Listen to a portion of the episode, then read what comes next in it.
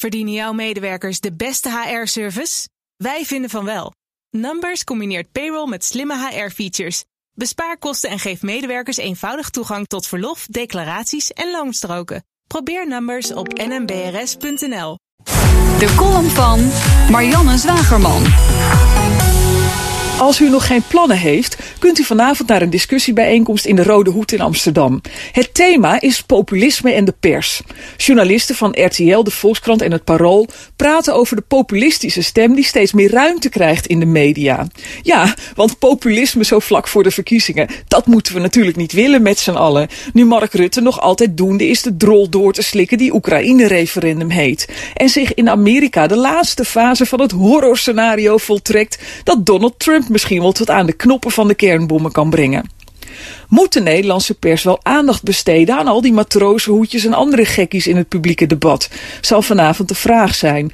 Of moeten we naar een cordon sanitair, zoals in België ooit was rondom het Vlaams Blok en in de jaren tachtig in Nederland weliswaar iets minder georganiseerd rondom Hans Janmaat?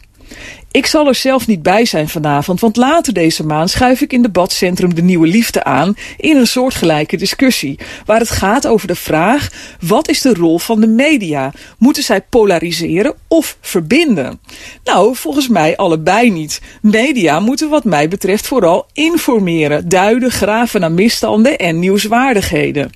De werkelijkheid is helaas een heel andere. De Volkskrant publiceerde zaterdag een interview met de ontslagen PVV-woordvoerder Michael Hemels. Vijf, vijf hele pagina's in de krant. En bijna de helft van de voorpagina werden ingeruimd om deze stelende cocaïne-junk aan het woord te laten. Vijf pagina's. Vijf Vijf Volkskrant-pagina's lang mocht de Limburger uithuilen over zijn nare baas Geert Wilders, die hem zo hard liet werken dat hij niet anders kon dan een kleine twee ton stelen uit de partijkas om de cocaïne en wodka te kopen die hij nodig had om zich door zijn ellendige baan heen te suipen en snuiven.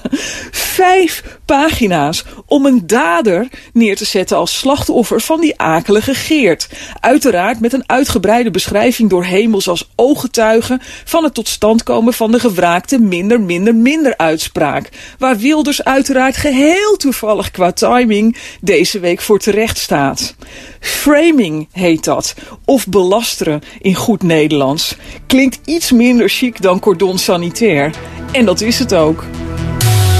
Dat zijn Marianne Zwageman, columnist op woensdag op dit station. En u kunt haar column teruglezen of luisteren op bnr.nl of de BNR-app. Verdienen jouw medewerkers de beste HR-service? Wij vinden van wel. Numbers combineert payroll met slimme HR-features. Bespaar kosten en geef medewerkers eenvoudig toegang tot verlof, declaraties en loonstroken. Probeer Numbers op nmbrs.nl.